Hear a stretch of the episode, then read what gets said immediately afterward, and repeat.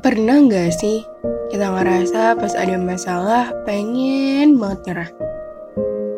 Nyerah karena nggak tahan tekanan dari kiri, kanan, depan, atau belakang. Nyerah karena kepala sudah terlampau pusing dibuatnya. Atau karena harus nyelesain masalah lainnya ketika masalah pertama belum selesai.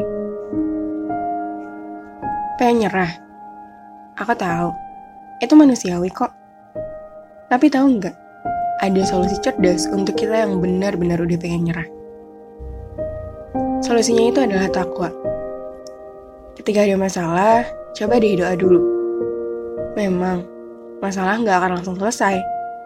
Tapi ketenangan yang muncul ketika kita doa, itu udah jadi setengah dari solusi masalah kita. Nah, Baru setelah itu kita jemput solusi-solusi itu lewat wasilah maksimalnya ikhtiar-ikhtiar kita. Karena orang yang bertakwa itu tak pernah putus harapan kepada Allah.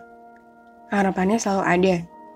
Meski di mata manusia, sudah tak terlihat akan ada titik cerahnya.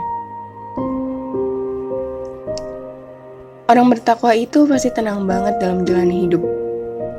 Karena ia tahu Allah akan memberikan solusi atas segala masalahnya. Seperti firman-Nya dalam Al-Quran Surat At-Talaq ayat 2-3. Barang siapa bertakwa kepada Allah, niscaya dia akan membukakan jalan keluar baginya. Dan dia memberinya rezeki dari arah yang tidak disangka-sangkanya.